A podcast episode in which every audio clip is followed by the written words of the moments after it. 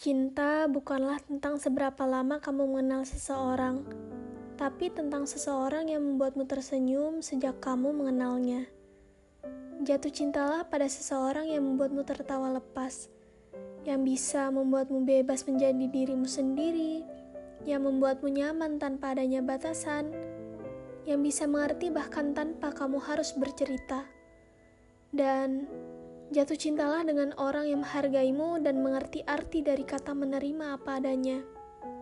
Dan ingat satu hal lagi, suka bukan berarti cinta.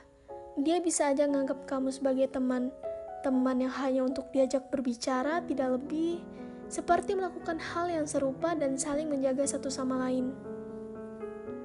Jadi, ketika dia mengesampingkan kamu, itu adalah hal yang wajar karena di sini kamu hanya berperan sebagai teman.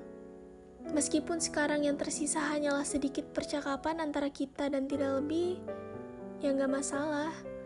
Barangkali ini lebih baik daripada kamu hilang lalu menjadi orang yang paling asing, yang bersembunyi, menghindar, dan tak ku kenali lagi.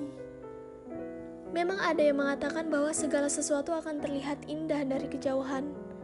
Itulah sebabnya aku mencintaimu dari kejauhan yang tak mengharapkan berbalik untuk dicintai kembali, ya sebab kamu sudah terlalu jauh untuk digapai, terlalu jauh untuk genggam.